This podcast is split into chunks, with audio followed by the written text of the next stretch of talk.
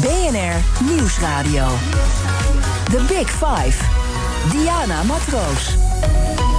De coronapandemie houdt onze samenleving al meer dan anderhalf jaar in zijn greep. En de verhitting neemt met de dag toe. Zeker nu het virus weer oplaait, de vaccins minder goed werken en maatregelen alleen maar strenger worden. Deze week wil ik antwoord op een paar belangrijke vragen. Hoe komt het toch dat we weer de grip op het virus zijn verloren? En welke lessen trekken we uit het tot nu toe gevoerde coronabeleid? Om nu, maar ook in toekomstige crisis, de juiste keuzes te maken. En daarom spreek ik deze week met vijf hoofdrolspelers die direct of indirect verantwoordelijk zijn eh, voor het coronabeleid. En vandaag is dat topviroloog Marion Koopmans, hoofd van de afdeling Viral Science van het Erasmus MC en natuurlijk lid van het OMT. Marion, welkom. Uh, voordat ik het met je ga hebben over wat er nu gebeurt en de grip die we wederom op het virus verloren hebben, wil ik eerst twee dingen van je weten. Allereerst, wat hebben de autoriteiten goed gedaan qua maatregelen als je terugkijkt en wat niet? En je moet van beide één concreet ding noemen. Nou, wat ik goed vond is dat bij het eerste pakket maatregelen meteen ook eh, steunpakketten werden aangekondigd. Dat was uh, vorig jaar. Dat was heel helder en ook, uh, denk ik, geruststellend voor mensen die getroffen werden, sectoren die getroffen werden. Um, nou, de tweede, wat zou beter moeten. Ja, het, het, toch het. Hoe krijg je de maatschappij mee en hoe organiseer je dat debat, maar maak je daar dan vervolgens ook stappen in? Ik denk dat daar de grote, uh, ja, de grote uitdaging zit, ook in de fase waar we nu in zitten. Want wat is er misgegaan? Um, het, nou ja, specifiek misgegaan vind ik lastig om de vinger op te leggen. Maar wat je gewoon merkt is dat het, uh, het verhaal over de lange adem die zo'n pandemie is. En dat het door fases heen gaat. En dat je dus steeds stap voor stap moet blijven werken. Dat dat, dat verhaal, dat, dat, dat dat zakt steeds weg. Dat zien we. Uh, dus er is dan de verwachting, over een paar weken is het klaar. Over een paar weken is het klaar. En dat is gewoon, gewoon niet zo. Niet zo, werkt zo'n zo nee. pandemie niet. Nee. Uh, uh, en ik, maar ik, vind, ik, het is ook wel echt een heel lastig verhaal. Maar daar zit duidelijk okay. een, een, worsteling. We gaan daar ja. verder op inzoomen natuurlijk het komende uur. Uh, voordat we ook even naar de actualiteit gaan. Het tweede wat ik echt ook van je wil weten... als je op je eigen rol terugkijkt... -huh. Mhm. in die afgelopen anderhalf jaar... is er dan iets wat je sinds het begin van de pandemie gezegd of gedaan hebt... waarvan je nu zegt, wow, toch een beetje anders moeten doen? Nou ja, aan het begin heb ik. Uh, dus de, de, dat verhaal over die lange adem. Uh, denk ik niet duidelijk, zelf ook niet duidelijk genoeg gemaakt.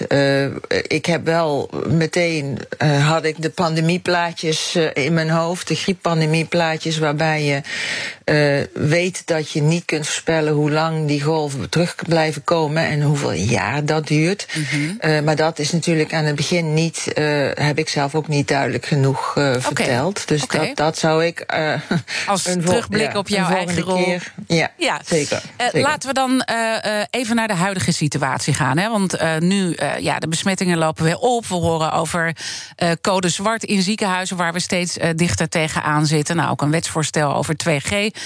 wat nu ook door de Kamer wordt besproken. Maar wat je vooral merkt, is dat experts verrast zijn... over dat er toch weer zoveel besmettingen zijn. Jij niet. Je sprak er een maand geleden, meer dan een maand geleden... volgens mij al over op Radio 1. Maar hoe komt het dat we toch met z'n allen weer het gevoel hebben... en ook alle experts dat het ons overvalt? Nou, ik weet niet of dat alle experts zijn. Nou, maar wel een uh, maar heel aantal. Je, ja, dat, dat zal. Maar wat je. Ja, wat, wat, we merken is, de gamechanger is toch weer de verandering van het virus. Uh, zonder die, die uh, versnelling die we hebben sinds de Delta-virus uh, variant dominant werd in de zomer, hadden we echt nu een ander beeld gehad. Maar de, de, het effect daarvan is dat de rem op transmissie, die je zou verwachten van vaccinatie, echt lager is dan uh, dan die daarvoor was. Ja. Uh, en, en dat is echt een, een, een, tiental procenten omlaag. En dat maakt gewoon heel veel uit voor ja. het effect wat vaccinatie dan dus heeft op de, de, ja. de beheersbaarheid maar, van zo'n golf. Maar toch ook weer hier, uh, Marion, ruim een jaar geleden heb jij over die vaccins al iets gezegd, ook in dit programma. Laten we even luisteren. Het is uh, absoluut belangrijk dat die vaccins er komen, maar uh, ik uh, geef even een winstwaarschuwing. Het zal echt geleidelijk zijn. Het is niet, je kunt niet verwachten van vanaf, nou, laten we zeggen, maart is er een vaccin. In maart wordt iedereen gevaccineerd en gaan we terug naar business as usual. Dat is echt, dat is niet realistisch. Ja, dus als je dit nu zo hoort, jij wist al dat uh, de verwachtingen van het vaccineren te hoog gespannen waren. Ja, dat, dat uh, is zo. De, de, dat, dat zegt de Wereldgezondheidsorganisatie ook. Hè. Vaccineren is één van de, van de pijlers van de bestrijding, maar zeker niet de enige. Uh, en uh, van vaccinatie. ja, je weet natuurlijk ook dat niet iedereen zich zal laten vaccineren. En dat uh, die virussen nog steeds ook aan verandering onderhevig zijn. Maar de, de, ik wil ook even wel helder hebben dat ik ook niet uh, weet hoe het allemaal precies uh, gaat lopen hoor. En je dus, bent toch ook een beetje teleurgesteld over de werkzaamheid van het vaccin? Nou, niet als je kijkt naar bescherming tegen ernstige ziekten, want dat is nog steeds heel hoog en dat is echt, eh, daar hebben we enorm geluk mee gehad eigenlijk. Dat klinkt misschien een beetje bizar, maar uh, de, de, de, mate van bescherming is, is, was echt boven verwachting. Als je dat bijvoorbeeld vergelijkt met wat we weten van de influenza-vaccins. Dus daar hebben we geluk bij gehad. Maar de rem op verspreiding, die is gewoon minder doordat dat virus ontsnapt. En, en dan komen we denk ik ook bij een cruciaal punt, want het gaat over uh, wat doet het kabinet hè, met de adviezen van het OMT. En uh, het kabinet volgt ook niet altijd de adviezen van het OMT op. Een duidelijk moment uh, was dat de anderhalve meter in september werd afgeschaft. Het OMT vond dat te risicovol, maar het kabinet besloot het toch af te schaffen en ook nog eens een aantal andere voorwaarden van het OMT daarbij te schrappen. Uh, is dat dan een, een moment dat je denkt dat je, dat je enorm gefrustreerd raakt als je kijkt wat, er, wat nu de situatie is en dat we het over code zwart moeten gaan hebben? Uh, ja, enorm gefrustreerd. Dat, dat, dat raak ik niet zo gauw. Nee, uh, maar wel natuurlijk. Ik heb ook wel uh, diep gezucht. Mm -hmm. Ik wil mhm. ook heel graag gewoon een wat rustigere kerst en winter. En, maar tegelijkertijd is dat ook wel hoe het werkt. Dus je hebt, uh, de politiek heeft hele lastige keuzes te maken. Die baseren zij op adviezen, maar zij kiezen zelf voor wat ze daarvan wel en niet overnemen. En dat is ook wel een proces van trial and error. Maar inderdaad, uh, de, de, ja, de ruimte mm -hmm. die in de maatregelen die overgenomen of die genomen zijn en die dat virus krijgt, is duidelijk te groot. Ja, en dat is heel uh, jammer. Uh, en, en je blijft dan heel diplomatiek, merk ik. terwijl mm -hmm. je het mhm. ook wel kwartetten hebt genoemd eerder. En mijn gast gisteren, Jaak de Gauw, boegbeeld van de GGD's, die zei de lobbyclubs doen goed hun werk. Er is veel gepolder. We richten onze pijlen mm -hmm. nu op veel meer doelen. Maar de resultaten op alle doelen zijn dan niet meer optimaal. Is dat nu wat er aan de hand is?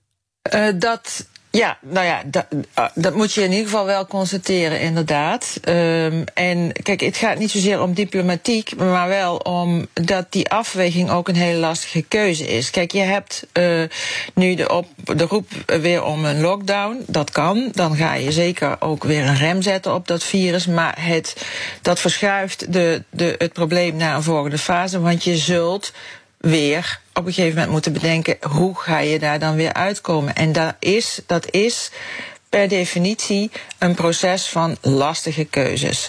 Uh, een van de uh, dingen die we nu bijvoorbeeld zien is dat er heel veel circulatie is onder uh, kinderen onder de 12 jaar. Dat mm -hmm. is echt veel, veel hoger dan uh, als je kijkt naar de, de cijfers die we nu zien, dan de kinderen boven de 12 jaar. Uh, dat zou je kunnen zien als van hé, hey, moeten daar dan maatregelen genomen worden? Daar is een afweging ook op basis van dringende adviezen vanuit kinderartsen en, en ook uh, onderwijsinstanties. Doe dat niet. Ja, dat is uh, een keuze. Dat betekent ja. dus dat daar meer ruimte ja. zit. Dat betekent dat je elders minder ruimte moet geven. En daar. Ja, en dit, is het, ook, uh, dit kan, kan, je ook best uh, goed verklaren. Want kinderen die, ja. die, die, die kunnen ook gewoon dat virus in die zin hebben. Ik bedoel, als je naar de cijfers kijkt, is het duidelijk wie de slachtoffers zijn. Hè? Dus die, die afweging. En zo zijn er heel veel afwegingen. Maar het gaat ook over de winkels. Het gaat ook over de horeca. Hè? Daar is natuurlijk ook een hele lobby gaande. En als jij het hebt over kwartetten en, en Jacques de Gauw het heeft over de lobby doet heel goed zijn werk. Is deze crisis dan niet ook gewoon heel erg politiek geworden intussen? Dat, dat is die natuurlijk. De politiek moet die keuzes ook maken. Dus ja, dat is die per definitie. maar ja, je zult voor mij niet snel beschuldigende vingers vinden. Ik vind echt dat we moeten vasthouden aan 呃 uh, laten we dan kijken, zoeken hoe het wel kan. En inderdaad, mm uh, kwartetten helpt niet. Ik heb dat gezegd hè, in, in het programma Buitenhof. Precies. Ja. Als, omdat, en daarmee bedoel ik dat je toch een beetje ziet dat er, dat er nou ja, soms discussie van, nou, als we dit hier doen, laten we dan da daar minder doen. Maar de basis is natuurlijk wel dat het zo werkt. Kijk, we hebben, een, we hebben te veel circulatie, die moet terug. Dat betekent dat je je uh, moet zorgen dat het aantal contacten flink teruggaat. Dat is ook wat het OMT-advies zegt. Mm -hmm. En dat kun je op uh, verschillende manieren doen. Hè? Dus de, de, de maatregelen die er nu zijn, die doen dat voor een deel, misschien niet genoeg. En dan betekent dus dat er maatregelen bij moeten. Maar waar je die maatregelen precies neemt, ja, dat moet natuurlijk uh, slim gebeuren op de plekken ja. waar het meeste circulatie is en waar het ja. meeste effect te verwachten is.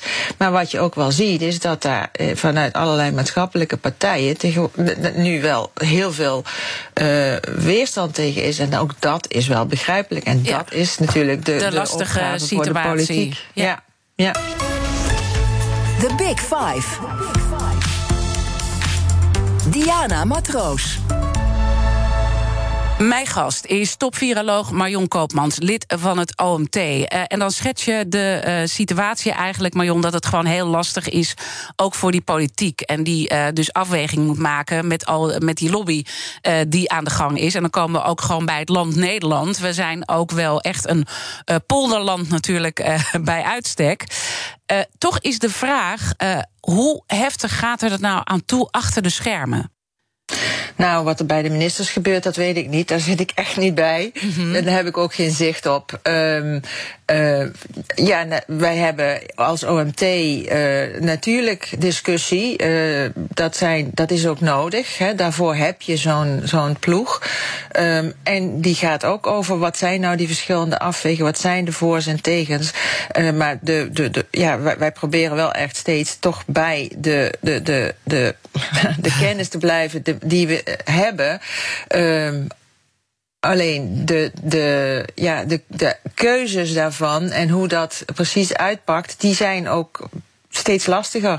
Wat je een voorbeeld ervan is bijvoorbeeld de uh, modellering. Hè. Wij varen, of wij we, we hebben tot nu toe uh, mm -hmm. stevig gevaren op de uh, doorrekeningen van het RIVM, van de modelleurs, hè, onder leiding van Jacco Wallinga. Ja, ja. Die, en die presenteert dat aan het OMT. En dat gebeurt op basis van de gegevens bijvoorbeeld over de trends op, hè, van het ja. aantal testen. en daar hebben jullie het gisteren ook over gehad. Ja, die cijfers die wat die zeggen, dat verandert. Ja. Uh, omdat je, uh, he, dus de verhouding tussen de aantallen meldingen en de aantallen uh, opnames en de aantal IC-opnames, die is heel erg verschoven doordat je vaccinatie hebt. Dus die, die, he, daar wordt, ja. ontspro- wordt ja, en hij zegt ook over. van het, het is moeilijker in te schatten uh, hoe infecties zich in specifieke uh, groepen verspreiden. En je moet de uitkomsten van modellen daarom heel voorzichtig lezen. En hij zegt je trekt snel conclusies uit een grafiek die niet te trekken zijn. En dan, dan uh, vraag ik me ook af, jij benoemt dit nu ook als lastig punt. Waar sturen jullie Mhm. dan op? toch op trends, maar wel met het gegeven dat daar een hele grote onzekerheidsmarge zit. Dus uh, je ziet nu veel discussie over uh, uh, hoeveel ziekenhuisopnames gaan we nou precies krijgen. Nou, dat is een vraag die niet beantwoord kan worden door de model, model, modellering. Mm -hmm.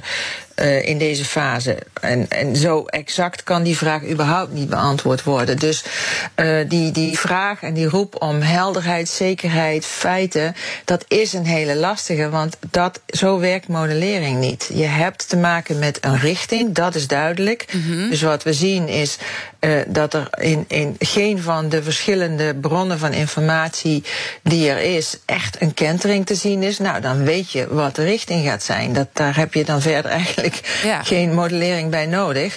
Uh, uh, maar, maar, wat je, zegt dat dan ziet... over al die. Hè, want dat is toch ook een beetje het gevoel. En ik spreek ook even uit wat. Hè, waar ook weerstand nu vanuit de samenleving komt. Hè. Ik bedoel, de vaccins zouden ons. vaccineer je de crisis uit. Nou, nu blijkt mm -hmm. dat je met een vaccin. Je bent één nog besmettelijk voor de ander. Want we moesten het ook doen uit solidariteit naar die ander. Maar je kan dus anderen gewoon besmetten. Je kan ook zelf ziek worden. ik geloof 49 van de mensen die nu in het ziekenhuis ligt, is gevaccineerd. 51% is dan ongevaccineerd.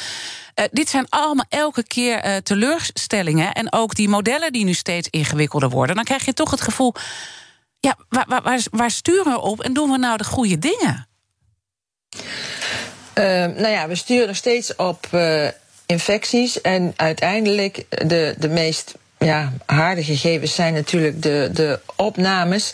Maar als je daar echt op stuurt, dan, dan zit je natuurlijk ook echt laat. En, hè, want dat weten we. Dus als je pas ingrijpt, als je daar dingen omhoog ziet gaan, dan, dan ben je laat. Uh, en dat is dus waarom het toch belangrijk blijft om gewoon überhaupt die trends in de gaten te houden. En dat gebeurt ook. En mm -hmm. de, maar maar de, de waarschuwing is dat je dat niet zeg maar op de getallen zoals ze soms gevraagd worden precies kan doen. Ja, en ik maar, wil maar even wat zeggen over die vaccins. Ja, ja. Die vaccins, want die werken wel degelijk. Ik weet dat dat het beeld is, maar er is echt duidelijk minder infectie bij mensen die gevaccineerd zijn. Uh, ze geven het ook minder. Als je gevaccineerd bent, uh, ben je minder besmettelijk voor je mm -hmm. omgeving. Maar mm -hmm. het is niet zo dat je niet meer besmettelijk bent. En de bescherming tegen uh, opnames is nog steeds heel hoog. maar toch ligt 49% van de mensen in het ziekenhuis ja. is gevaccineerd. Weet je, dat is niet het beeld wat ik erbij had toen we hier allemaal aan begonnen. Want ik, ik heb ook mijn twee Pfizer-prikken genomen. Maar dat was niet waar ik van uitging. En er is ook een vernietigende studie onder 780.000 Amerikaanse veteranen verschenen in het vakblad Science. Een half jaar na de Janssen-prik is er van bescherming tegen het virus nauwelijks meer sprake. Er wordt zelfs uh, gesproken over weinig kansen met Janssen. Dat is toch een enorme teleurstelling? Uh, dat is. Uh ook een verkeerd, verkeerde interpretatie van die studie. Wat die studie mm -hmm. heeft bekeken is uh, bescherming tegen alles. Uh, dus ook uh, milde klachten, milde. En dat is dus dat verhaal dat de bescherming tegen de infectie zelf lager is geworden. En dat komt door Delta. Dat laat die studie ook zien. Die laat ja. echt een soort dip zien door Delta. Wat veel hoger is, is de bescherming tegen ziek worden. Dus ja, die, uh, die, die rem op verspreiding, dat is minder dan uh, vooraf gehoopt. Ja. En ook uit de, uh, uit de eerste resultaten van de trials gezien werd. Maar de bescherming tegen ziekte is nog steeds heel hoog. Dus, dat, ja. dus, maar, maar omdat heel veel mm-hmm. mensen. Kijk, als je een, een bescherming hebt van 95% tegen ziekenhuisopname, dan, dan heb je nog steeds 5% met, van de mensen die. Die uiteindelijk daar wel, wel. Uh, komt. En misschien ja. is het goed om hier de kettingvraag bij te stellen. Want dit verhaal, uh, voelen we nu ook aan alles, uh, gaat door. Ik sprak dus met Sjaak de Gouw in de eerdere aflevering, directeur publieke gezondheid GGD Hollands Midden, oftewel het boegbeeld van de GGD's. En hij had deze vraag voor jou. Uh, Marion is, is uh, viroloog het tele, maar weet gelukkig ook wat van, van vaccinaties. Uh, mijn vraag aan haar zou zijn: als er nu een variant komt die zich aan de huidige vaccins onttrekt, hoe lang duurt het dan? Ik denk dat dat voor ons als, als bevolking wel relevant is. om een nieuw mRNA-vaccin te ontwikkelen. En wat betekent dat voor de bestrijdingsstrategie? We beginnen dan weer op nul. Of hebben we met de vaccins die we hebben toch al een voorsprong ten opzichte van het begin van de vorige crisis? nou een deprimerende vraag. Allereerst, die kans hierop is heel klein. Ik verwacht geleidelijke veranderingen. Dat is ook wat we zien met Delta bijvoorbeeld. Maar stel dat, dan is bij zoiets, met name die mRNA-vaccins, dan is ja, in theorie kun je van, van de ene dag op de andere daar gewoon een ander mRNA, dus van dat dan circulerende virus instoppen. En uh, die vaccins gaan produceren. Maar dan begin je natuurlijk weer uh, met uh, productiecapaciteit en een hele ronde vaccinaties. Dus de, de, de, de productietijd is dan de beperkende stap. Um, en, het, en de vraag is dan: verwacht je dat zo'n abrupt groot verschil er gaat komen? Nee, dat verwacht ik niet. Ik verwacht dus dat je wel uh, gaat zien dat je uh, boosters nodig gaat hebben. Dat zien we natuurlijk ook al wel. Mm -hmm. uh, die, waarbij op de termijn die vaccins ook aangepast gaan worden aan de dan circulerende variant. Dus dat hier zullen we gewoon mee moeten gaan leven. Dat we eigenlijk elke keer geboosterd worden en nieuwe prikken krijgen. En dan zijn we daar toch ook nu weer rijkelijk laat mee. we hebben eerder over het gepolder gehad. We hebben het eerder over het kwartetten gehad. Polderen kost uh, tijd. Vraagt het nu ook om duidelijke leiderschap? Nou ja, dat doet een crisis sowieso natuurlijk. Um, dat, dat is zo. Um, en uh, boosteren rijkelijk laat. Kijk, die boosters die worden geadviseerd vanaf zes maanden na de eerste vaccinatieserie. En daar zitten we ongeveer aan bij heel veel mensen. Dus, uh, ja. Maar we zijn natuurlijk in eerste instantie ook alweer uh, later begonnen. En er wordt natuurlijk toch nu ook een beetje naar Nederland gekeken. He, we hebben hier gigantisch uh, veel besmetting. Maar laten we er zo meteen verder over praten. In het tweede gedeelte. Topviroloog Marion Koopmans over de epidemieën die ons nog te wachten staan. Helaas. Blijf luisteren. Het Eneco Klimaatreport van deze week komt uit Amsterdam. Ik ben Pascal en ik sta hier met de oprichter van Wikkelhuis op de werkplaats. Op, wat zie ik hier? Ja, je ziet allemaal huisjes. En welke rol speelt energie-efficiëntie in jullie ontwerp- en bouwproces? We bouwen alleen maar met hernieuwbare materialen. Maar het leukste is dat we eigenlijk uh, zonne-energie gebruiken voor onze elektriciteit. We hebben duizend zonnepanelen op ons dak van de werkplaats. Duizend zonnepanelen, dat zijn er een hoop. Ik kan me voorstellen dat er veel stroom vanaf komt. Ja, er komt een enorme bak met stroom uit. En soms in de zomer is dat ook te veel. En daarom werken we samen met uh, Eneco, met het uh, opwek optimaal systeem. En wat doet dat systeem? Een soort dimmer. Dat als er te veel stroom is, dat je dat zeg maar wat terug reguleert, zodat er geen netcongestie ontstaat. Want dan zou alles vastlopen. juist de balans op het energienetwerk. Ja, precies. En zo werkt Wikkelhuis samen met Eneco aan klimaatambities. Is het ook iets voor jouw bedrijf? Check dan eneco.nl slash klimaatambities. BNR Nieuwsradio. The Big Five. Diana Matroos. Welkom bij het tweede halfuur. Deze week praat ik met vijf kopstukken uit de wereld van het coronabeleid. Morgen dan zal ik praten met Aura Timme. Zij is hoofd landelijke coördinatie infectieziektebestrijding bij het RIVM. En praat natuurlijk met haar over de RIVM-strategieën. Mijn gast vandaag is topviroloog Marion Koopmans. Zij is ook hoofd van de afdeling Viroscience van het Erasmus MC. En natuurlijk lid van het uh, OMT. Komend half uur, uh, Marion, wil ik in ieder geval nog twee onderwerpen bij je bespreken namelijk Disease X, ofwel het gevaarlijke virus dat we nog niet kennen, en het afwegingskader. En laten we met dat laatste beginnen, het afwegingskader. Uh, nou, je hebt ook al aangegeven eigenlijk dat we voorlopig wel met dit virus uh, te maken zullen uh, krijgen. En dat hij zich niet uh, laat afschrikken door wat kwartetten, want het gaat gewoon door. Toch, de samenleving raakt ook uitgeput op een aantal punten. We hebben grote problemen ook in de, de samenleving.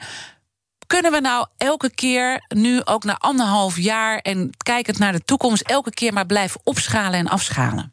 Nou, dat, uh, de vraag stellen is een beantwoorden. Hè? Want je hoort natuurlijk uh, hoe lastig dat is. En we horen vooral de verhalen uit de ziekenhuizen. Maar ditzelfde speelt natuurlijk ook buiten de ziekenhuizen. In de ouderenzorg, in, bij de huisartsen. En je merkt overal dat daar nou ja, vermoeidheid is. en, en uh, dat er op de rem gestapt wordt. Um, en maar dit, dit, dit, gaat dus langzaam maar zeker naar de grotere vraag van hoe gaan we dit op de langere duur uh, doen. Ja. Uh, winter, he, wintergolven, infecties. Ik verwacht dus ook dat dit virus bij dat winterpakket gaat komen. Er is een, een soort scenario-analyse gepubliceerd door de WRR en de KNW.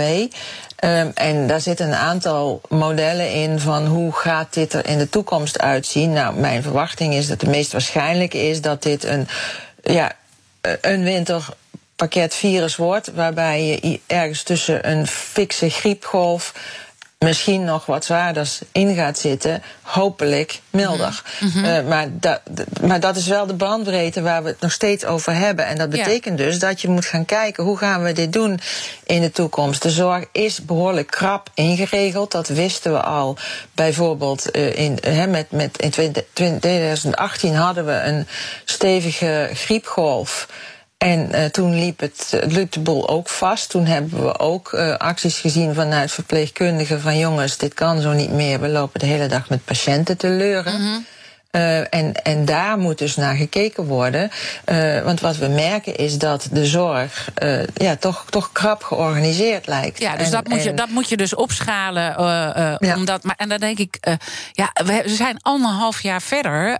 en uiteindelijk ja. hebben we minder mensen. En, en dan kom ik toch weer van hoe leiden we nou uh, deze crisis. En we, we, hebben eerder vastgesteld dat die uh, eigenlijk steeds meer politiek geleid wordt. Uh, dat, dat, dat beaam je ook in hoe het nu gaat en hoe alles wordt afgewogen.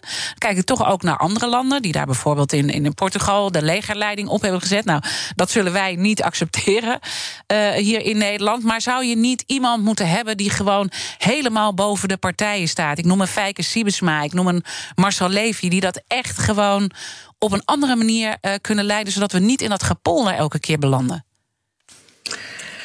Ja, dat weet ik niet. Kijk, je, je voor een lockdown, uh, ja, maar je zult vervolgens in de Nederlandse maatschappij uh, de volgende stap moeten zetten. En daar hebben we gewoon allerlei partijen die, die georganiseerd zijn zoals ze georganiseerd zijn. Kijk, ik ben niet ik ben viroloog, hè, dus ja. vraag ja. mij nu iets wat ver buiten mijn uh, kennisgebied ligt.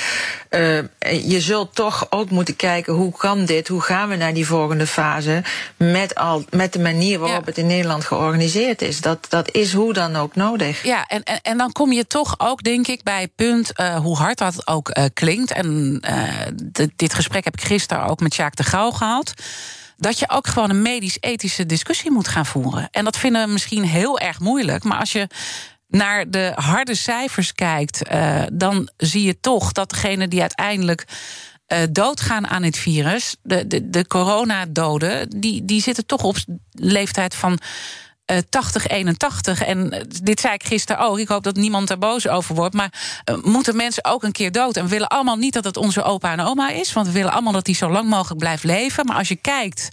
Uh, hoeveel impact het heeft op het leven van jongeren. Uh, uh, de zelfmoorden die toenemen. Ondernemers die, die ontzettende problemen hebben. Mensen met een heftige ziekte die pas later behandeld kunnen worden. Moeten we niet naar deze discussie toe, Marion? Uh, zeker, en dat is een maatschappelijke discussie. Um, uh, ik wil uh, even aangeven dat, die, die, dat je het wel heel zwart-wit stelt. Het is zeker niet zo dat het alleen de alleroudsten betreft. En zelfs dat is natuurlijk, uh, uh, daar zit een waardeoordeel achter, wat ik in ieder geval niet wil uitspreken. Je ziet impact nog steeds op alle leeftijdsgroepen, maar natuurlijk, leeftijd is de allerbelangrijkste. Maar daarnaast hebben wij een, een behoorlijk grote groep mensen die om andere redenen uh, al dan niet tijdelijk ook uh, extra gevoelig zijn. Mensen die in behandeling zijn voor, uh, voor kanker. mensen met ja, ja andersoortige ja. middelen die, die de afweer onderdrukken. En dat is een hele grote groep. Nou ja, en die obesitas wordt... bijvoorbeeld. En, en dan denk ik toch, um, hè, want het, ik merk ook, ik vind het moeilijk ook om dit soort dingen uit te spreken. En ik denk dat iedereen ja. daarmee worstelt. Maar het land elke keer maar op slot gooien, zeker als het blijft, dat kunnen we natuurlijk niet blijven doen je ziet de polarisatie toenemen, maar je hoort ook hele grote middengroepen. Uh, ja, die hoor je misschien uh, te weinig. Hè, dus het is moeilijk in te schatten. Maar je ziet gewoon. Uh, de frustratie erger worden. en, en, en, de, en de weerstand wordt ook groter. Dus we moeten ook wel dit soort gesprekken aangaan. En wat ik dan mis eigenlijk, en ik ben heel benieuwd hoe jij daarnaar kijkt. Waarom is er zo weinig focus op bijvoorbeeld een gezonde leefstijl. want je benoemt heel terecht, het zijn niet alleen oude mensen, maar het zijn ook mensen met obesitas bijvoorbeeld, die daar liggen. Is daar niet veel te weinig aandacht voor? Nou ja, en het zijn uh, volkomen fitte mensen die toch uh, ineens uh, omrollen. Dus het, als het ja, zo maar dat zijn was... wel de, de, de, de, de, de uitzonderingen. Hè? Als je echt naar de grote ja. plaatje kijkt, dan zijn het mensen die echt onderliggend lijden hebben. En obesitas en de ouderen, toch? Uh, niet volledig, nee. Dus nee, niet volledig, leeftijd, maar ik vind het nee, moeilijk om uh, uitzonderingen dan te pakken... om daar dan grote conclusies... Hè, want het is dan, hoe ga je modellen interpreteren... waar we het net over hadden? Nee, maar wat jij zegt, is ja. je benoemt een een, nou, misschien wel 4, 5 miljoen uh, uh, Nederlanders ja. die in die categorieën vallen. Dat is dus gewoon een onderdeel van Nederland. Dus het, het apart plaatsen, dat is, een on, dat is een discussie die eerder ook wel heeft gespeeld. Ja. Um, van waarom zet je, zorg je niet dat die mensen zeg maar dan apart geplaatst worden en laat de rest in gang gaan. Ja. Zo, zo, zo werkt het niet. Ja. En dat wilden we ook niet, zo. hè? Want we wilden ook wel naar onze opa's en oma's op bezoek blijven gaan. Hè? Dus dan, toen ontstond er ook weer heel veel weerstand. Maar, maar wat dan wel? Wat is dan wel een, een, een verstandige zet? Is 2G de verstandige zet? Nou, de allerbelangrijkste blijft, en ik denk dat die transitie wel nodig gaat zijn, toch, uh, wat, wat, uh, dat, je, dat je gaat kijken naar hoe beïnvloeden wij zelf nou, uh, hoe gaan we zelf onze risico's inschatten? Kijk, als ik mm -hmm. naar mijn ouders van 2 en 93 ga, dan, dan weet ik dat ik extra oppas. Ik doe een extra zelftest. Uh, ook al ben ik volledig gevaccineerd, zijn ja. zij volledig gevaccineerd. In deze situatie, dat doet ook onze hele uh, familie. Uh, de jongste kinderen, idem. Gewoon omdat we dat zelf kunnen doen. Uh, uh, dus dat, dat zijn het soort van dingen die, die we moeten gaan, ja, toch, toch ons eigen gaan maken. En dat hoort ook inderdaad bij die maatschappelijke discussie. Ja. we, zijn, we zijn gewend, nou, een beetje verkouden, een beetje ziek, we werken mm -hmm. gewoon door is misschien wel niet zo verstandig. Ja. Hè? Dat doet Azië al heel, heel anders, al jaren. Nou ja, als je kijkt dat naar Zweden, uh, Marion, daar, daar is natuurlijk... Uh, want dat is, we moeten inderdaad ook, ben ik met je eens... ook naar onszelf uh, kijken. In Zweden gaan ze daar denk ik veel beter mee om. En daardoor kunnen ze die maatregelen natuurlijk ook heel erg versoepelen daar. Uh, nou ja, er was van de week een uh, interessante discussie tussen Jaap van Dissel en de, uh, zijn counterpart in Zweden. En zij kwamen tot de conclusie dat de maatregelen vergelijkbaar waren, maar dat dat de opvolging in Zweden gewoon echt veel veel meer vanzelf gaat. Ja. Daar zit dus gewoon een belangrijk verschil. En waarom dat in zit, ja, dat... dat Cultuur. Uh, Cultuur. Uh, ja, ben ik bang. Dat, Wij zijn ook eigenwijs is, natuurlijk. Nou ja, maar dat, dat is natuurlijk echt uh, buiten mijn expertisegebied. Maar daar zit wel echt een belangrijk nou ja, Je hebt zelf natuurlijk ook een belangrijke rol. Hè? Je zit aan al die talkshowtafels. Je zit hier bij mij, je zit bij ja. Buitenhof. Ja. Uh, ja. Wat kunnen jullie nou doen aan, uh, en als je ook in de breedte kijkt uh, naar alle andere autoriteiten, wat, wat kunnen jullie nou beter doen als het gaat om communicatie? Uh, nou ja, het, het consistente verhaal houden van uh, er is een, een deel maatregelen die de overheid kan doen en er is een deel wat je zelf kan doen. En dat is, en dat, dat is echt de basis. Die afstand, hm. de, het, het testen als je klachten hebt, het thuisblijven, het uh, dragen van mondneusmaskers als je op, ja. op drukke plekken komt, die waar je sowieso dus eigenlijk van moet afvragen of je dat moet doen, ja. is cruciaal. Is echt cruciaal. Okay. En daarmee zou je. Uh, daarmee zou je ook zonder lockdowns de winter door uh, moeten kunnen moeten komen. Kunnen. Ja. Zometeen praat ik verder met viroloog Marion Koopmans. Maar eerst even horen waar BNR Breekt het zometeen over gaat hebben. Ja, over blokletters. Want in blokletters staat er in het OMT-advies aan het kabinet dat alleen de enige wijze om een lockdown te voorkomen de manier is om uh, uh, het beter naleven van de basisregels. Om corona in ieder geval in bedwang te krijgen. Dat zegt het OMT. En daar gaat BNR Breekt ook over. Want ja, op dit moment zien we de coronacijfers nog steeds stijgen. Dus die enige wijze om die coronacijfers de kop in te drukken daar werken wij op dit moment in Nederland niet heel erg aan mee als bevolking. Ons breekijzer, blijkbaar is het opvolgen van de basisregels te moeilijk. Dus eigenlijk kan alleen een harde lockdown ons uit de coronagolf halen. Wat denk jij?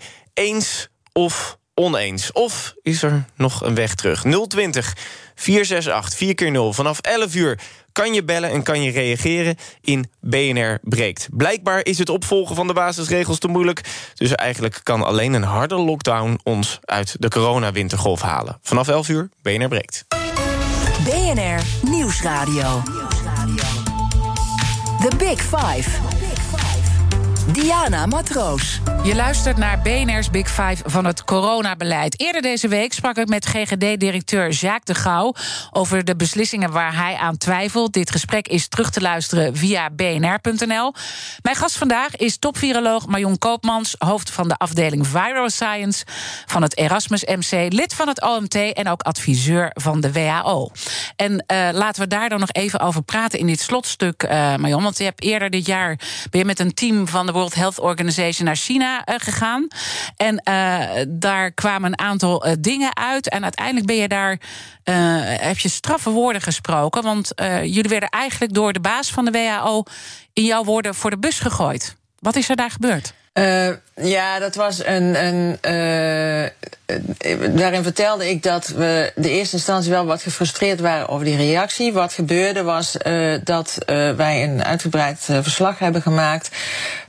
waarin we hebben samengevat waarom wij denken dat de herkomst uit dieren het meest waarschijnlijk is. En een herkomst uit een lab, wat een van de theorieën is, het minst waarschijnlijk. Dat is in de persconferentie ter plekke als extremely unlikely betiteld. Daar viel uh, de directeur van de WHO over en dat was de eerste reactie op het rapport uh, voor de verzamelde pers. Ja. Nou, dat was voor vonden, nou ja, dat was frustrerend, uh, omdat daarmee eigenlijk uh, in, in ieder geval de publieke opinie dat rapport wel een beetje terzijde werd geschoven, terwijl Ja. dat niet terecht is. Dus die En, en is dat dan ook weer een punt waarop we toch merken, want we weten alle spanningen tussen China en de Verenigde Staten, merken we op zo'n moment weer dat de coronacrisis politiek wordt uitgevochten? Nou, nee, ook daar geldt dat. dat uh, ik, ik denk dat het een storm in een glas water is. Ik heb uh, dit gezegd in een uitzending die ging over hoe mm. lastig het is om vanuit al die verschillende rollen toch uh, je werk te doen in zo'n crisis. En dat behoort bij dat je af en toe natuurlijk uh, zoiets denkt van hé, jee, waarom zeg je dat nou zo? Ja, nou, je maar was er behoorlijk dus boos merkt- over volgens mij. Want Ja, je hebt ook wel even maar- harde woorden met hem gekraakt. Maar, als je, maar wat je dus merkt is dat je zelfs dat gewoon eigenlijk niet kunt zeggen. De dilemma's van een wetenschapper moet je enorm op je woorden letten. En dat is toch een beetje de, de, de, de pressure cooker waar we allemaal in zitten. En dat Mhm. uh, is iets wat, uh, ja, waar, waar volgens mij we allemaal een rol in hebben om die druk een beetje van de ketel te laten gaan. En echt de ogen op de bal wordt dan gezegd Ja. van we hebben een pandemie. Ja. En daar moeten we met elkaar uitkomen. Ja, en dan heb jij, uh, en, je, je vertelt over die pressure cooker waar we in zitten. En dus ook dat er wetenschappelijk, uh, de wetenschappers ook niet op één uh, lijn zitten. En modellen steeds moeilijker ook te interpreteren zijn. Dat zijn een aantal moeilijke dingen waardoor je dus eigenlijk. Uh, die paniek die we in het begin hadden, omdat er geen goede draaiboeken uh, lagen. Je kan eigenlijk toch nergens op sturen. En, en daardoor ontstaat dus ook al die uh, twijfel onderweg. Je hebt eerder gewaarschuwd voor Disease X, de, de, de, de, het virus wat wij nu nog niet kennen, maar ook heel gevaarlijk is. Liggen dan die uitgebreide draaiboeken daar dan ook weer niet klaar voor? Nog niet, nee. nee. Uh, dus de, da, dat wordt heel belangrijk. Uh, daar zijn natuurlijk ook al de eerste uh, stappen in die richting. Van wat leren we hiervan? Um, en daar moet je denk ik ook echt de tijd voor nemen om dat grondig te doen. Want het risico is dat je nu snel uh, iets regelt voor deze crisis, uh, terwijl de volgende er misschien net weer anders uit gaat zien. Dus dat is Ja. wel belangrijk om daar. Maar ik ben dan zo bang dat, dat als je zegt, daar moeten we de tijd voor nemen, dan, dan denk Mhm. ik, dan worden we straks, gaan we weer met elkaar horen dat we overvallen zijn. We moeten toch. Uh, van deze anderhalf jaar zoveel geleerd hebben dat we echt een wezenlijk andere stap moeten gaan zetten richting de toekomst. En welke stap is dat dan? Ja, nou ja, het begint met dat maatschappelijk debat wat je net benoemt. Uh, omdat uh, we weten dat infecties en uitbraken, daarvan weten we dat de kans daarop groter wordt. En dat heeft gewoon te maken met hoe de wereld ontwikkelt. Uh, en de impact wordt ook groter omdat we langer leven, met veel meer mensen zijn enzovoort. Dus het hele verhaal wat we nu zien is iets waar we naar de toekomst over moeten nadenken. Hoe richten wij dan uh, onze toekomst in? Uh, inclusief uh, moeten we alles blijven doen wat kan. Een, een, deel van infecties uh, nieuwe infecties komen vaak uit de dierenwereld. En dat gebeurt als die dierenwereld onder druk staat. Um, ze verspreiden makkelijk vanwege ons internationaal reisgedrag, vanwege de uh, verstedelijking, vanwege ja. ongelijkheid in steden, sloppenwijken. Dus dat zijn fundamentele aspecten van het inrichten van de toekomst, die, uh, waar we mee aan de slag moeten. Relatie met klimaat is ook te leggen. Ja. Moeten we ook mee aan de slag. En dat is waarom ik zeg. En gezonde leefstijl, je, denk ik, hè? Ook. Ja, ja, natuurlijk. En als je nu. Uh, kijk, nu zou je zeggen: oh, we moeten vaccins hebben, we moeten testen hebben enzovoort. Dat, is, dat vind ik een niet fundamenteel genoeg afweging. Dus dat is wat ik bedoel ja. met. Uh, laten we er wel even echt grondig naar kijken. Hoe ziet dan die toekomst en die voorbereiding erop uh, ja. eruit? En, en ook die medisch-ethische alleen... discussie voeren. Hè? Eigenlijk op al ja, die pijlers. Hè? Die, die, hoe pijnlijk die ook is. Hè? Want we willen allemaal. Uh, we zijn allemaal gemedicaliseerd. En we willen zo lang mogelijk doorgaan in het leven. dat willen we uiteindelijk allemaal. Voor onszelf en voor onze dierbaren. Um, we hebben dat nog... is toch ja. één, maar je hebt ook de ongelijkheid. Een pandemie verscherpt ook de ongelijkheid. We hebben enorme ongelijkheid wereldwijd wat betreft toegang tot vaccins. Dus ook daar een soort van moet je wel die, die boosters doen. Terwijl de vaccins, de primaire vaccins nog niet gebeurd zijn in een heleboel Absoluut. landen.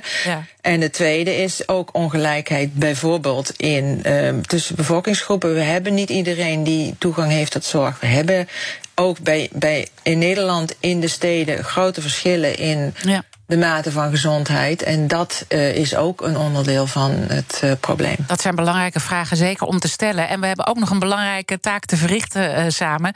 Is namelijk de kettingvraag. Want die gaat natuurlijk door. En mijn volgende gast, dat is Aura Timme, hoofdlandelijke coördinatie infect, infectieziektebestrijding bij het RIVM. Jullie kennen elkaar natuurlijk goed, neem ik aan. Wat zou je haar willen vragen? Nou, zij is ook hoogleraar uh, in Amsterdam. En ik zou haar willen vragen: uh, wat is voor jou de topvraag voor onderzoek voor infectieziektebestrijding op basis van wat je nu uh, ervaren hebt met deze pandemie? En mijn laatste vraag aan jou is: wat zou jouw topvraag zijn op het moment dat die parlementaire enquête gaat komen? Um, wat is de bijdrage van nou ja, het, het politieke debat in uh, het kunnen maken van keuzes tijdens de crisis. Ik denk dat dat een hele mooie vraag is. En uh, met alles wat ik dan uh, van je gehoord heb, uh, deze uitzending, hoor ik toch ook ergens van je dat je er zorgen over maakt. Ik maak me zorgen zeker over deze winter en over hoe we ja, ik denk echt dat we weer terug moeten en terug moeten blijven gaan naar. We moeten het samen doen. Dat is echt cruciaal, want die virussen die ontsnappen overal. Ja. En, uh, maar ook niet te politiek uh, worden, het... denk ik, want dat zit ook wel een beetje onder jouw vraag. De, de, de discussie moet niet te politiek worden. Nee, inderdaad. Goed. Ik wil je heel erg danken nogmaals dat je hier uh, wilde zijn. Je bent vaker bij ons geweest en ik hoop dat we elkaar in de toekomst weer zullen spreken. Dank Marion Koopmans. En intussen zijn alle afleveringen van BNR's Big Five zoals altijd terug te luisteren. Je vindt de podcast in onze BNR-app en op bnr.nl. Maar blijf vooral live hier op BNR de hele dag. Zometeen BNR breekt ook weer met een mooi topic. Ik wens je een mooie dag. Bij BNR ben je altijd als eerste op de hoogte van het laatste nieuws. Luister dagelijks live via internet. Jelle Maasbach. Wesley Weert. We zijn er voor je met het leukste, opvallendste, maar natuurlijk ook het belangrijkste nieuws. Tijdens de presentatie van die halfjaarcijfers toen die beurskoers in elkaar kukkelde. BNR Beurs. Voor de slimme belegger. Blijf scherp en mis niets.